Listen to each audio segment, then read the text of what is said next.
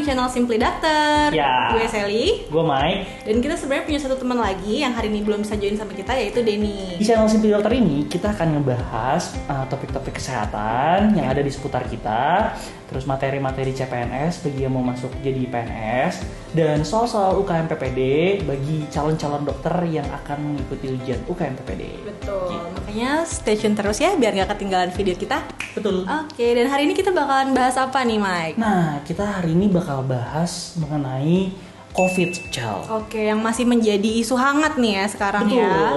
Eh, kita juga sebenarnya udah ngumpulin nih beberapa pertanyaan yang Hmm. kita temuin baik itu dari pasien-pasien kita, dari teman-teman ya, Betul. dari keluarga yang kira-kira masih agak bingung nih yang permasalahan Hmm. COVID ini gitu. Oke, pertanyaan pertama nih. Hmm.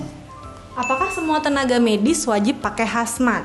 Hmm, ya, ya, ya. Wajib nggak sih? Apa apa tiap beda tempat itu beda hazmat. Beda juga, beda Hmm. Kalau hazmat. kamu gimana, Cal? Kamu di Kalau aku di klinik karena Hmm. aku cuman kayak kalau poli apa klinik atau poli itu kan kita cuman kayak wawancara sama pasiennya terus Hmm. periksa bentar abis itu udah kan. Jadi aku tuh nggak begitu pakai yang terlalu lengkap banget. Hmm. Jadi cuman paling pakai masker, nurse cap, handscoon, terus pakai scrub atau gaun aja sih paling. Hmm. Kalau untuk level 2 itu kan biasanya kayak di ruang di ruangan ya, di ranap gitu ya, di Hmm. ICU gitu ya misalnya.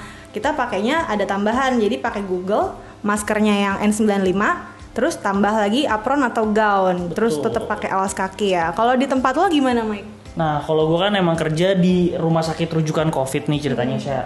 Jadi, uh, kalau gue pakai yang level 3 nih. Oke. Jadi bedanya apa sih si level 3 ini? Kalau level 3 bener-bener udah lengkap. Yang orang-orang bilang astronot nih ceritanya si level 3 nih. Yang pakai Google, masker N95, handscoon, coverall, sama yang terakhir boots.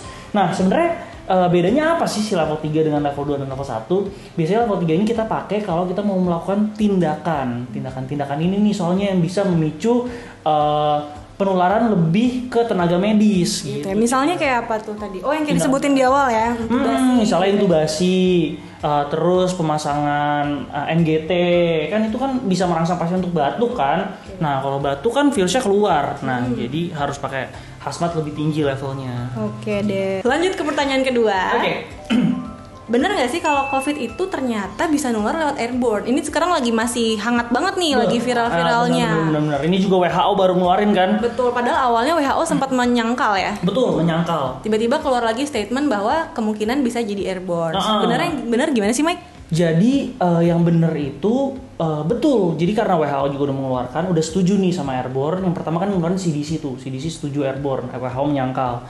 Nah, jadi sekarang eh, udah airborne tapi tidak dalam semua keadaan. Dia dia tuh cuma bilang, jadi ka- pada keadaan-keadaan di mana ruangannya itu tertutup, ventilasinya sedikit atau tidak ada ventilasi sama sekali atau di ruangan ber AC. Nah, di mana di situ kita juga eh, di situ dalam jangka waktu yang cukup lama, Cel. Oke. Gitu. Jadi kalau misalnya di situ eh, bisa jadi airborne tuh, harus lebih hati-hati. Kita punya soal apa lagi nih, Nah, next kita punya soal lagi nih. Kalau misalnya uh, rapid test kita reaktif. Nah, reaktif ini artinya apa sih? Banyak nih yang nanya nih, artinya bedanya reaktif sama positif apa sih dok gitu. Oke, biasanya sih kalau reaktif itu untuk rapid test ya. Hmm. Karena kan rapid test itu yang di yang dideteksi adalah imunoglobulin atau antibody ya. Betul. Jadi imunoglobulin itu yang terdeteksi adalah dia reaktif atau tidaknya. Beda sama swab ya. Hmm. Betul. Kalau swab itu biasanya hasilnya kan positif atau negatif Ah. karena yang ditemukan adalah si virusnya, langsung. gitu ya. Betul. Aku juga ada pengalaman nih. Jadi teman-temanku pas mau pergi ke luar kota nih, kebetulan Hmm. temanku dia pengen menghadiri acara gitulah, pengen keluar kota. Terus dia harus rapid dulu kan. Ternyata rapidnya itu positif. Waduh. Eh, reaktif sih tulisannya Hmm, reaktif. reaktif, Ah, ah. reaktif ya. Jadi dia nanya dong ke aku gitu, harus ngapain sih nih gitu, harus ke swab atau enggak atau harus gimana gitu kan. Hmm, Sebenarnya protapnya itu sebaiknya sih lanjut ke swab ya kalau hasilnya udah reaktif. Ya, betul. Jadi untuk make sure kamu tuh beneran kena covid atau enggak. Oke, ngomong-ngomong soal hasil rapid test nih, Hmm. mungkin gak sih kalau hasil kita itu reaktif, padahal kita nggak ada gejala gitu. Wah, mungkin banget, Cel. Bahkan banyak banget yang swabnya nih udah positif, itu nggak ada gejala juga. Oke, itu kok Hmm. bisa ya? Nah, jadi memang itu itulah orang-orang tersebut yang kita namakan dengan OTG, orang tanpa gejala dan sebetulnya betul sih memang kebanyakan OTG nih yang dirawat juga dan yang berkeliaran di sekitar kita ini banyak OTG. Makanya dibilang lebih bahaya lebih bahaya karena penularannya kita nggak tahu nih ternyata dia kelihatan sehat-sehat eh ternyata dia membawa-bawa virusnya eh tapi Cal kalau OTG bisa nularin nggak ya Kalau dari penelitian sih katanya bisa. Padahal sebenarnya dia kan ada virusnya kan. Hmm. Cuman dia nggak terinfeksi gitu. hmm. Sebenarnya gimana sih? Iya, eh, agak bingung sih ya dengan Iya. makna dari infeksi ini karena kalau misalnya infeksi seharusnya ada gejala dong. Iya. Tapi pas ini nggak ada gejalanya. Heeh. Jadi mungkin kita nggak usah ngomong infeksi atau enggak lah ya. Tapi yang jelas Virusnya virusnya ada, ada.